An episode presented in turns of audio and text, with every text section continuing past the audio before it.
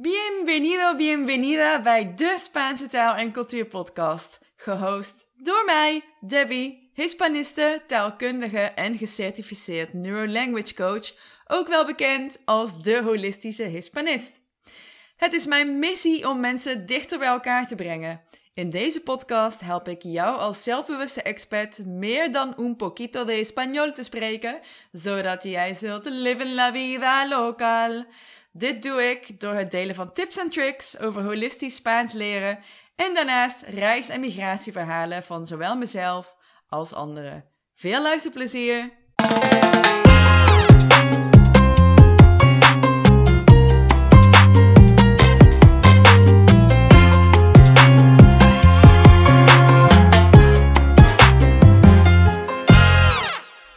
Hola, ¿cómo estás? Welkom terug bij een bijzondere episode waar ik zelf mega enthousiast over ben.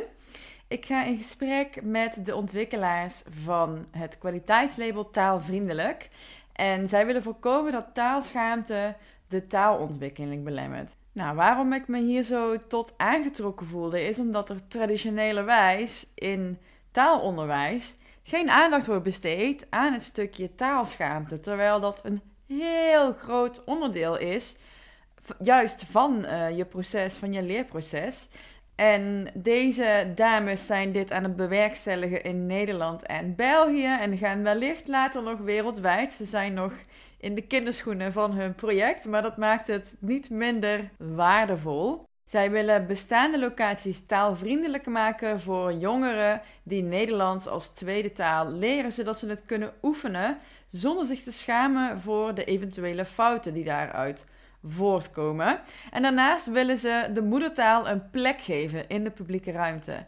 Nou, stel je voor dat jij als Nederlandse expat in Spanje of Latijns-Amerika zo'n project zou hebben waarin je in een veilige leeromgeving de taal kunt leren. Dat is wat ik mijn klanten wil bieden. En dat is het belangrijkst voor jouw leerproces. Dat je in een veilige ruimte zit. Dus luister zeker dit gesprek. Mega interessant. Um, niet iedereen heeft een podcastmicrofoon. Dus het kan zijn dat het geluid af en toe niet helemaal fantastisch is. Excuses daarvoor alvast. Maar echt, dit gesprek is het luisteren waard. Blijf luisteren tot het einde, want ze doen nog een oproep. En volg ze uiteraard op Instagram als je de ontwikkelingen wilt volgen. En neem een kijkje op hun website. Heel veel luisterplezier. Hartelijk welkom Jolijn, Deborah en Sophie. Ik vind het echt super leuk dat jullie er zijn. Hey. Hallo. Super leuk om jullie eindelijk te spreken. Ik ben echt heel benieuwd naar wat jullie allemaal mee te delen hebben. We zijn met z'n vieren vandaag. Het wordt een uh, gezellige, gezellige episode en ik denk dat we veel te bespreken hebben. Dus uh, laten we erin gaan duiken. Jullie um, hebben het kwaliteitslabel taalvriendelijk opgericht, gecreëerd, gemaakt. Ja, en voordat ik daar heel erg op inga, lijkt het me leuk om een van jullie daarover aan het woord te laten. Zou een van jullie eens kunnen vertellen vanuit welke gedachte uh, het is ontstaan? Ja, um, nou, uh, het begon eigenlijk allemaal bij een studie. Als we helemaal in het begin beginnen. We hebben uh, in uh, januari zijn wij een studie gestart bij de HEMA Foundation. En uh, dat was een studie gericht op een social design studie. En um, daarbij kwam de vraag om iets te ontwikkelen, dus een project of een, nou, dat kon van alles zijn, om iets te ontwikkelen op het gebied van laaggeletterdheid in Nederland. Oh. En um, nou, dat, dat was een heel traject. Dat was eerst een half jaar heel erg veel onderzoek doen naar het thema en heel veel mensen interviewen over wat nou, uh, nou die laaggeletterdheid inhoudt, maar ook uh, nog veel breder hoe, uh, hoe wordt taal ingezet in Nederland en, en wat zien we gebeuren.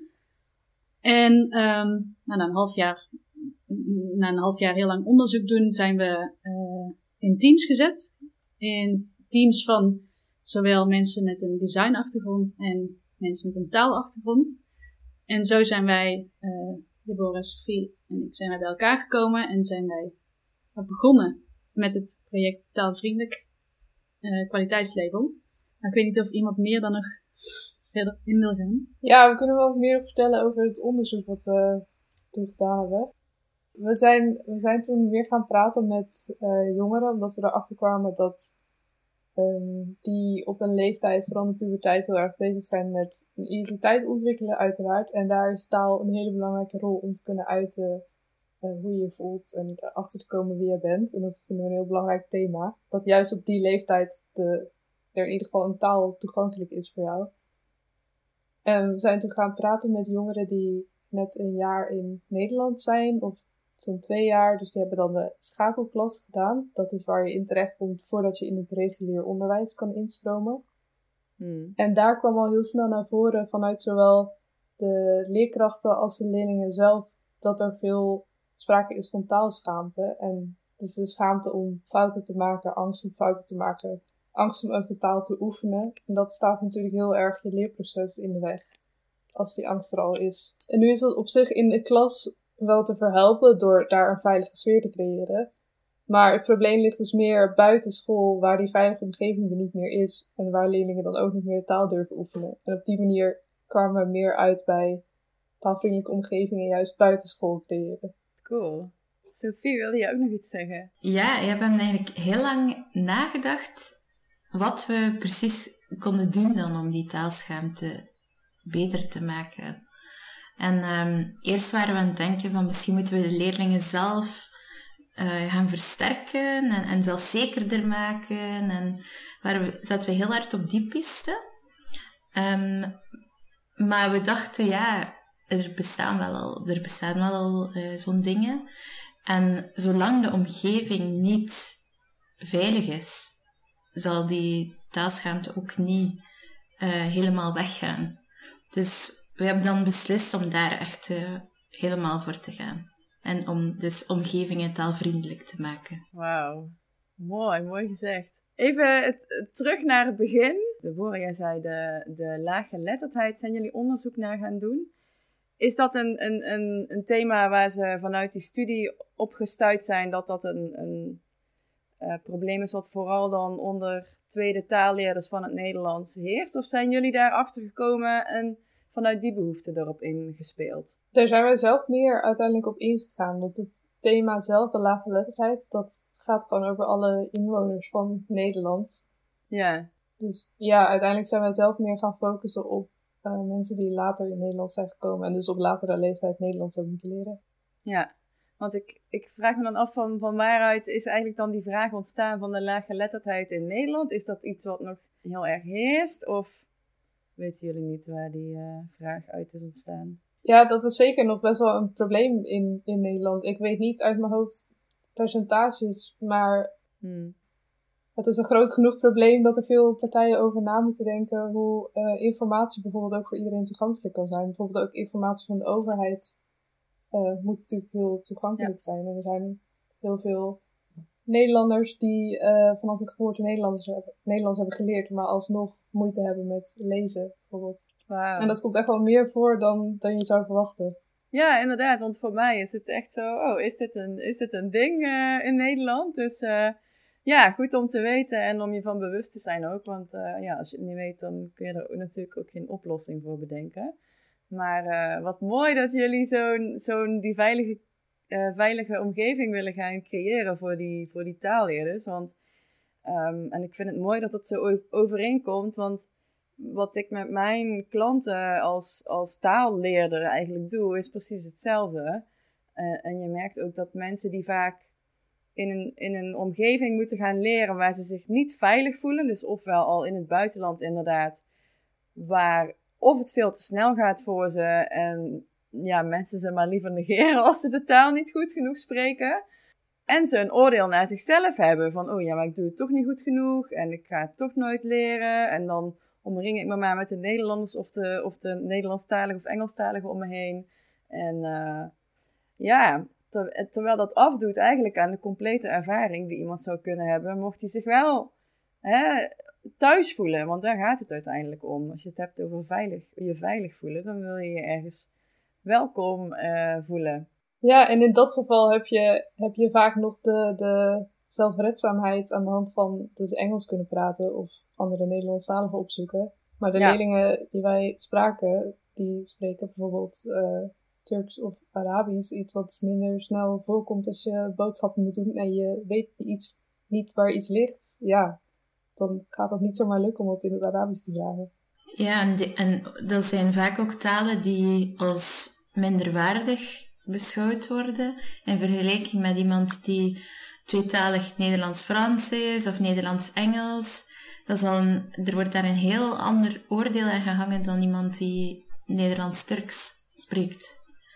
Dus eh dat is ook al een verschil. Ja, en, en hebben jullie ook onderzocht waar dan dat waardeoordeelverschil in zit? Eh, dat hebben wij niet specifiek gedaan, maar we hebben wel eh, ja, studies gelezen die dat effectief bevestigen dat dat zo is. Ja, ik vind dat dan interessant inderdaad. Van waar ligt dan, ligt dat in het, in het, eh, eh, het wij zijn en het, en het othering, zoals dat heet? Ja, maar zij. Want ik zag ook dat een onderzoek, ehm, uit onderzoek blijkt dat spreken met een accent inderdaad dus een, een vooroordeel oproept bij mensen. Maar wij zijn hier al met tenminste drie verschillende accenten aan het spreken.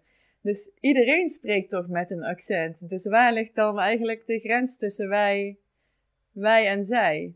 Ja, ik vind dat heel, eh, heel interessant inderdaad. Van wanneer, wanneer is, is er een gap die we moeten overbruggen? En wanneer ehm, zitten we allemaal in hetzelfde schuitje? Want dat is het uiteindelijk. Ja. En ehm, niet iedereen van jullie is dus in het project gestapt met een, eh, met een achtergrond in taal. Wat is dan jullie band met dit, eh, met dit onderwerp? Ik, heb, eh, ik heb mijn bachelor gedaan in design eh, aan de Design Academy Eindhoven. En tijdens die bachelor heb ik al eerder een project gedaan over ehm, eh, de barrières die er ontstaan wanneer je in een wijk woont waar allemaal verschillende talen worden gesproken en heel veel langs elkaar heen wordt gecommuniceerd. Dat was een project voor een expositie in Griekenland, waarbij we drie maanden in een buurt gingen kijken naar, oké, wat, wat speelt hier allemaal? En ik koos toen het onderwerp taal, met dus aan de hand daarvan met buurtbewoners gaan kijken naar welke talen er ook allemaal in die wijk gesproken worden en waar dus ook de knelpunten zitten. En dat was mij zo erg bijgebleven, dat project, omdat ik met zoveel mensen sprak die heel emotioneel ervan werden, dat ze gewoon zo vaak niet het gevoel hadden dat ze konden, konden binden met, met buurtbewoners, omdat ze de juiste taal daar niet voor spraken. Wauw. Daardoor leek het me zo mooi om deze, deze opleiding te doen, omdat het naast social design, wat ik al een hele mooie ehm, ja, mooi vak vind, omdat je echt iets kan bijdragen aan de maatschappij. Vond ik dus ook heel aantrekkelijk dat het specifiek ging over taal, eh, taal en taalachterstanden. Wat tof. En wat mooi dat je nu eigenlijk dan die inzichten uit dat vorige project hierin, eh, hierin hebt mee kunnen nemen. Ja, ja, en ook pijnlijk om te zien dat het, om er dan achter te komen hoe, hoeveel dat eigenlijk voorkomt. Hoeveel mensen wel niet last hebben van die schaamte of dat gevoel van eenzaamheid. Ja. Ja, taal is echt een manier, een, eigenlijk een, een deur om ergens binnen te komen. Ja. Zeker, En- ja. Weten jullie dan ook waar het, ja, waar het, waar het pijnpunt eigenlijk ligt? Dat mensen de taal. ehm, want het ligt er niet per se aan dat ze geen Nederlands spreken. Het gaat erom dat ze dus een accent hebben. Of de taal nog niet volledig onder de knie hebben. Want het zijn niet allemaal mensen die gewoon. Ja, die vertikken. Om, hè, zoals je heel veel mensen hoort, ze vertikken het om Nederlands te leren. eh, die buitenlanders. Ehm, dat is vaak niet eens het geval, maar het is. En ik, en ik merk het andersom ook. Heel veel Nederlanders die een andere taal moeten spreken, Engels bijvoorbeeld, voelen zich gewoon ongemakkelijk.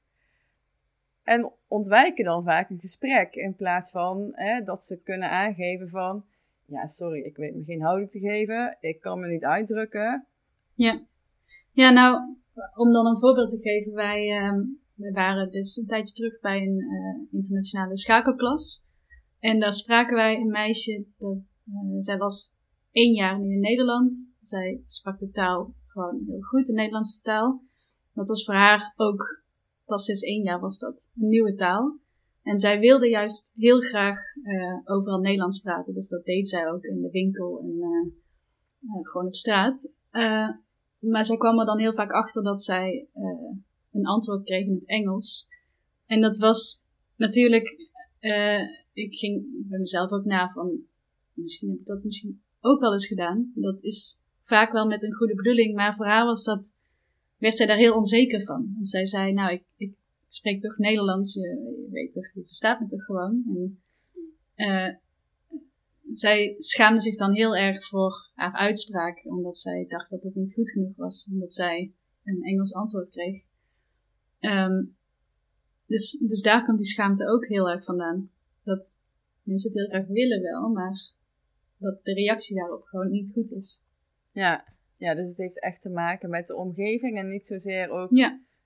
um, de moeite die zij vanuit zichzelf nemen om een, om een taal wel of niet te leren. Um, waarom is het zo belangrijk dat die taalvriendelijke locaties er komen? Ja, dat is dus zo belangrijk, omdat meer mensen dan zich veilig voelen om de taal te kunnen oefenen, op zijn minst. En waardoor ze ook de taal veel sneller onder de knie kunnen gaan krijgen. En daarnaast geeft het je zo, gewoon zoveel meer zelfvertrouwen als je merkt dat je een connectie kan maken met iemand. Vooral voor de doelgroep waar we mee gepraat hebben, dat um, zijn niet alleen mensen die een nieuwe taal moeten leren, ze moeten ook nog uh, in, een, in een cultuur, in een nieuwe cultuur integreren.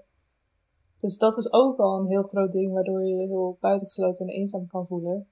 Dus als de taal dan in ieder geval al jou helpt met je bij de groep te laten voelen, dan gaat de rest misschien ook iets makkelijker. Ja, en daarnaast, iets wat we nog niet echt uh, gezegd hebben, denk ik, um, is dat we ook het spreken van hun eigen taal willen normaal maken. Dat, dat ze daar niet raar op aangekeken worden of voor nagestaard of zo.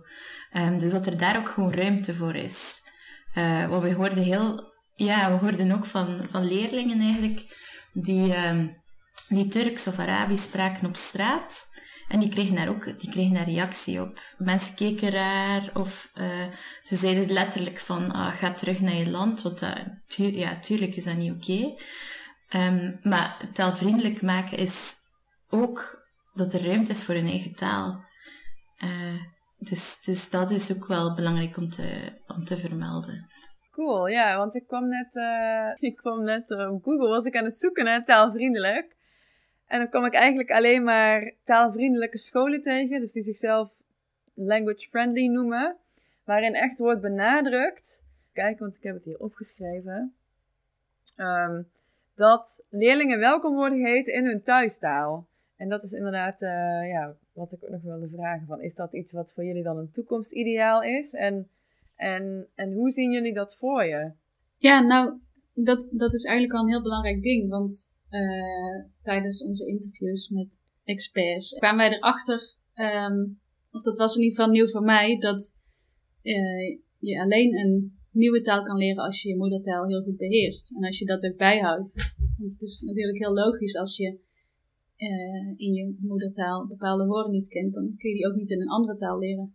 Dus dat was voor ons ook wel heel belangrijk dat juist die moedertaal ook, um, nou, dat daar ook nog steeds sowieso aandacht voor moet zijn. Naast dat je ook een nieuwe taal leert. Ja, mooi. Ja. En we, en we, hebben, we hebben ook wel wat uh, ideeën. Um, bijvoorbeeld dat iemand eh, op een locatie, op een taalvriendelijke, op een taalvriendelijke locatie, een, um, een soort van, van badge aan heeft met, met vlaggetjes. Um, voor dan de, de talen te, te tonen die ze spreken. Uh, maar zodat het ook wel duidelijk is van er mogen hier andere talen gesproken worden. En die kan je ook spreken met ons. Wat gaaf. Ik vind dat heel. Uh, ja, ik begin nu een beetje een beeld te vormen, inderdaad, bij. Want uh, daar wil ik zo nog wel op ingaan. Bij hoe dat eruit ziet. Ik, uh, ik, ik heb dit weekend um, via Instagram iemand leren kennen die hier twee straten verder woont.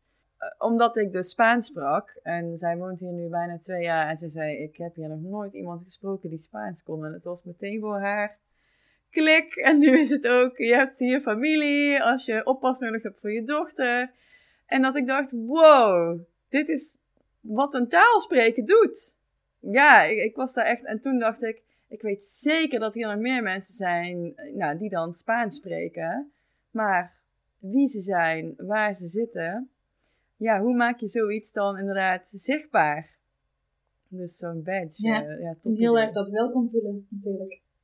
Ja. Ik merkte degene twee straten verderop, denk ik ook. Dat dat al zoveel meer geluk geeft.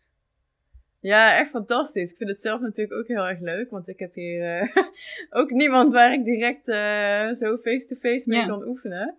Maar, ehm, en hoe, ehm, hoe ziet zo'n zo'n taalvriendelijke locatie eruit? Wat moet een, een locatie hebben of doen om het kwaliteitslabel taalvriendelijk te mogen krijgen? Ja, dat is eigenlijk. eh, wij zijn daar nu nog heel erg mee bezig om dat te onderzoeken. Wat, wat nou precies per locatie passend is. Want Ja.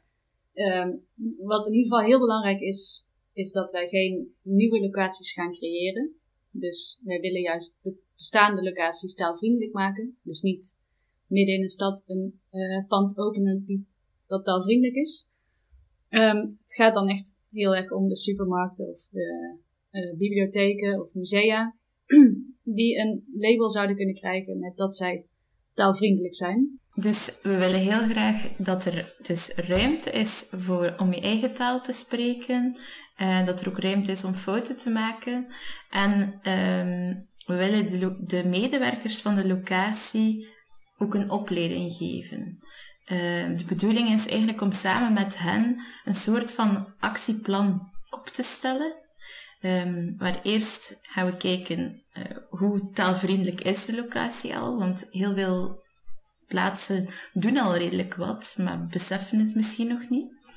Eh, en daarna gaan we dus kijken eh, om dat taalactieplan op te stellen eh, met de medewerkers. En geven we waar nodig ook nog opleidingen. Bijvoorbeeld rond eh, heldere taal. Ehm, hoe kan je best ehm, aangeven dat je ook eh, dat, je, de andere persoon waarmee je spreekt wil helpen. Ehm, dus, dus van die dingen. En als ze eigenlijk heel dat traject doorlopen hebben, dat actieplan is uitgevoerd en ze hebben opleidingen gevolgd, dan krijgen ze het kwaliteitslabel. Wauw. Super gaaf. En, en wat zijn de drie pijlers? Eh, de, ja, de drie pijlers is dus ehm, je, je, mag, je mag fouten maken, eh, je mag je eigen taal spreken en ja, je bent welkom. Wat mooi. Dus we moeten niet denken aan taalcafés die her en der geplaatst worden, maar echt locaties die al, eh, ja, die er al zijn. En dat zijn dus wel dan altijd eh, publieke locaties, ehm, restaurants, speeltuinen, noem maar op. Precies. Ja, en omdat we, omdat we in ons onderzoek vooral met, met jongeren hebben gesproken van ja, 12 tot, tot 18 ongeveer, hebben we vooral met hun overlegd van wat zijn plekken waar jullie nou komen. Dus toen zijn deze locaties zoals eh supermarkt, buurthuizen, sportclubs vooral naar voren gekomen. Leuk en wat tof dat jullie echt zo gehoor geven aan die, eh, ja, aan die groep jongeren. Want eh, en, vooral in deze tijden, die hebben al heel veel in moeten leveren natuurlijk qua sociaal leven. Ik heb vrienden van mij hebben 2,5 jaar op een, ehm, kom niet op het woord, een AZC, ja, asielzoekerscentrum gezeten.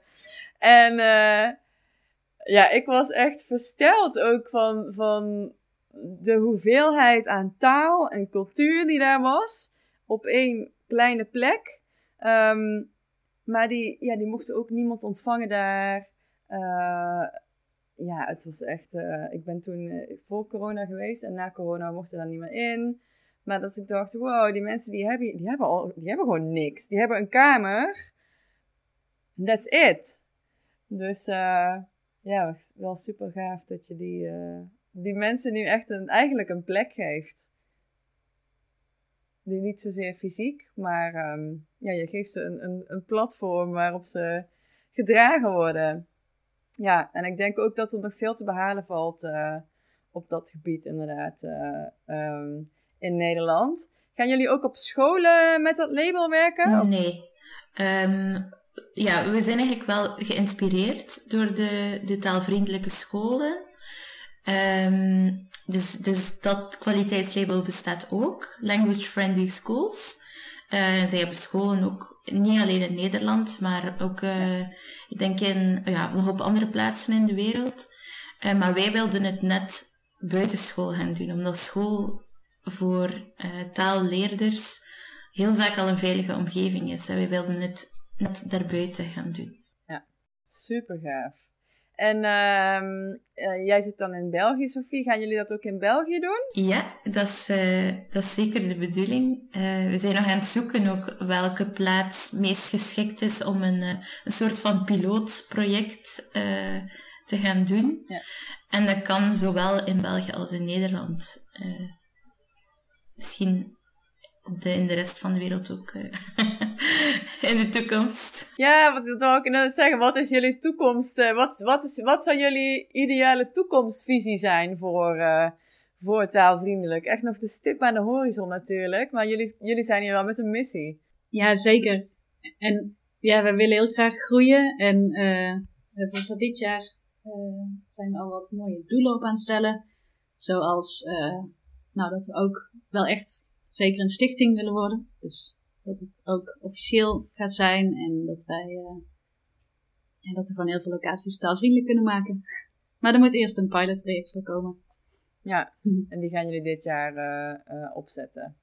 Ja, daar gaan we wel voor. En wat is jouw, jouw band met taal, Jolijn, als ik vragen mag? Nou, um, uh, ik moet zeggen dat ik kwam het project tegen online, uh, het, het, social design uh, project. En um, nou, ik ben zelf ontwerper en ik zit in de wereld van informatieontwerpen. Dus ik maak onder andere pictogrammen of handleidingen of inzichtelijke bijsluiters zonder dat er te veel tekst op staat. En um, uh, dus mijn, ja, ik had wel een beetje kennis over taal of hoe je dingen eenvoudiger kan laten uh, maken dan niet alleen het gebruik van tekst. Ja. Maar ik wilde daar ook wel heel graag meer over weten, vooral over dat social design uh, stuk. Ik was heel blij dat wij dus ook gemengd werden in een team met mensen die ook echt daadwerkelijk een taalachtergrond hadden. Zoals Sophie.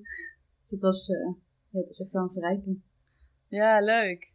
Wat tof dat je, hoe mooi je dat eigenlijk verwoordt van, ik heb heel veel met taal gewerkt, maar dan niet zozeer uh, uh, spreektaal of uh, klanken, of schrijven of tekst, maar daadwerkelijk het uitbeelden daarvan. Wat natuurlijk ook heel belangrijk is um, bij wat jullie nu gaan, nu gaan doen, omdat het ja, in beeld gebracht mag worden, letterlijk. Ja. En jij, Sophie, wat doe jij met taal? Uh, ja, ik, ik ben uh, al heel mijn leven uh, heel graag bezig met taal. en ik heb aan de universiteit meertalige communicatie gestudeerd. Nederlands, Frans en Engels. En daarna nog interculturele communicatie. En uh, heb ik ook een, een lerarenopleiding gedaan om uh, in T2, dus Nederlands voor anderstaligen, uh, te geven. Ik heb ook een jaartje als leerkracht dan gewerkt met anderstaligen. Dus dat, sowieso, dat zijn sowieso belanghebbenden die, die mij heel, heel nauw aan het hart liggen.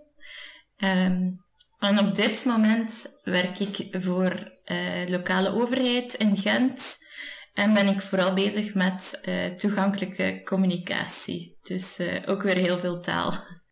Ja, leuk. Ik, ik vind het zo mooi hoe jullie uh, allemaal bij elkaar passen. En het zo allemaal puzzelstukjes voor jullie, voor jullie project. Deborah had net al verteld dan over haar project in Griekenland. Ik wou het nog hebben over jullie. jullie hebben een prijs gewonnen. Daar hebben we het nog niet over gehad.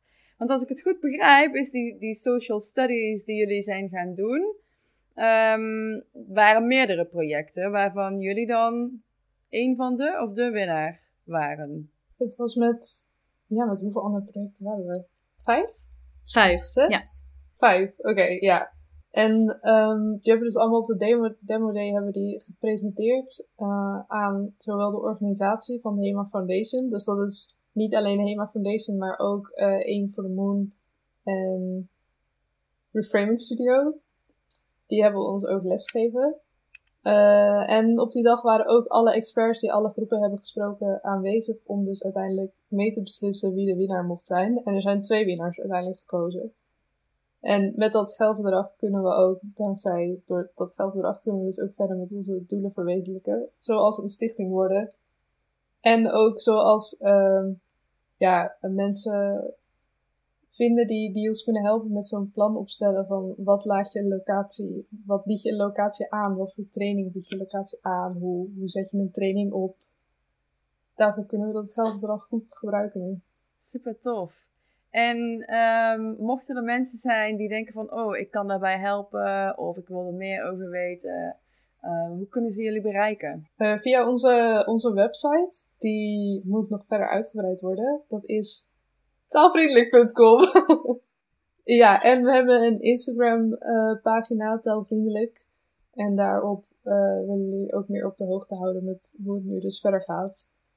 Um, en daar gaan we ook nog op laten zien hoe het in zijn werk kan gaan als je dus op zoek wil gaan naar een taalvriendelijke locatie. Ik weet ook niet of, dat al, of je dat al duidelijk hebt eigenlijk hoe je een taalvriendelijke locatie kan gaan vinden. Dus we hebben dat nog niet verteld, toch? Nou, vertel. Hoe kunnen wij, uh, hoe kunnen wij zo'n taalvriendelijke locatie vinden? Nou, het concept is dus uh, dat er een taalvriendelijke app is waarop je kan zoeken in jouw buurt welke locaties taalvriendelijk zijn. Dus dan poppen er de icoontjes op. Um, en dan kan je aan de hand daarvan dus naar de locatie gaan. En dan kan je van tevoren dus al je veilig voelen met het idee van... Oké, ik ga dus specifiek naar dat buurthuis, want heb al gezien dat ze daar een taalvriendelijk label hebben. En wellicht dat die app later ook kan gaan fungeren als een uh, plek om mensen ook meer met elkaar in contact te brengen. Maar allereerst is het vooral belangrijk dat mensen gewoon de locaties kunnen vinden die te afhankelijk zijn. Ja, ja, het gaat dus echt om het offline verbinden. Ja. En zijn jullie ook nog op zoek naar mensen die jullie daarin kunnen steunen? Um, qua appontwikkeling, maar ook qua opzetten van de studie? Of zijn er nog vragen uit voor jullie eigenlijk? Nou, waar we zeker nog naar op zoek zijn, is een plek waar we dit uh, nou, dit project zou kunnen testen. Is een pilotlocatie. Um, maar wat ten eerste ook nog heel erg belangrijk is, is dat wij ook zelf nog meer onderzoek moeten doen naar wat inderdaad een taalvriendelijke locatie inhoudt. Dus stel, er zijn mensen die luisteren en die willen graag een scriptie schrijven over dit onderwerp, dan, uh, nou, dan zou dat perfect zijn, natuurlijk. Of um, ja, appontwikkelaars, uiteraard. Ja, dat moet zeker ook nog helemaal ontwikkeld worden. Gaaf.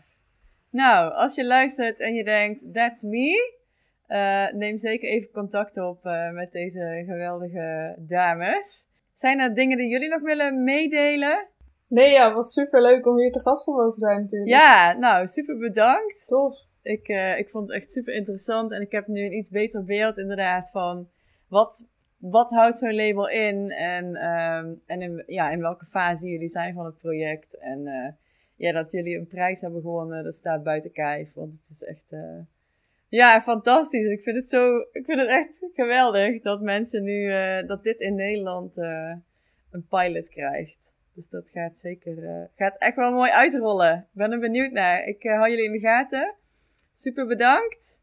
En uh, ja, we houden contact. En jij ook bedankt. Ja, ja. dankjewel. Ja, zeker. Dank je. Ja, dankjewel. Super leuk dat je weer luisterde naar deze episode. Muchas gracias por estar aquí. Nog even drie belangrijke dingen. Numero uno. Het is mijn missie om mensen dichter bij elkaar te brengen. Daarom maak ik deze podcast voor jou. Ben jij door deze podcast enthousiast geworden en wil je ook minder klinken als een verdwaalde toerist? Download dan nu de gratis Speakbrief Spaans. Met maar liefst 14 weetjes onder de knie kun jij binnen no time jezelf verstaanbaar maken in het Spaans. Ook als je nog niets over de uitspraak weet, als je opziet tegen alle grammatica of jezelf afvraagt of jij dit wel kunt. Ten tweede, numero dos. Wil je geen enkele episode missen? Abonneer je dan op de podcast door op het knopje volgen of subscribe te klikken. En blijf op de hoogte van nieuwe episodes. Numero tres. Wist je dat je heel simpel een review kunt achterlaten? Con tu amor encantador. Het is heel eenvoudig. Ga naar je podcast-app waar je mee luistert, naar mijn podcast en klik op reviews. Laat bijvoorbeeld 5 sterren achter op Spotify of als je wilt ook nog een geschreven review op Apple Podcasts. Op die manier kan ik nog meer zelfbewuste experts bereiken om ze te helpen meer dan un poquito de español te spreken. Live in la vida local. Gracias!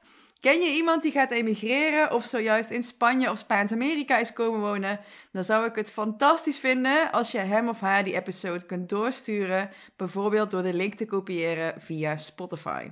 Ik vind het altijd leuk om berichtjes te ontvangen van luisteraars, om te horen welke inzichten je uit de podcast haalt of als je misschien vragen of suggesties hebt, die zijn ook van harte welkom. Wellicht is de podcast jouw inspiratie geweest en heb ik je bewogen om echt de stap naar het buitenland te maken, nu de Spaanse taal niet meer zo'n domper voor je is met mijn unieke holistische manier van leren. Je kunt een stembericht inspreken via de link in de show notes en je kunt me natuurlijk ook altijd een berichtje sturen in een DM op Instagram naar Debbie Xchel. Daar kun je mij ook volgen voor dagelijkse inspiratie, tips en avonturen. De link vind je in de show notes. Hasta la próxima!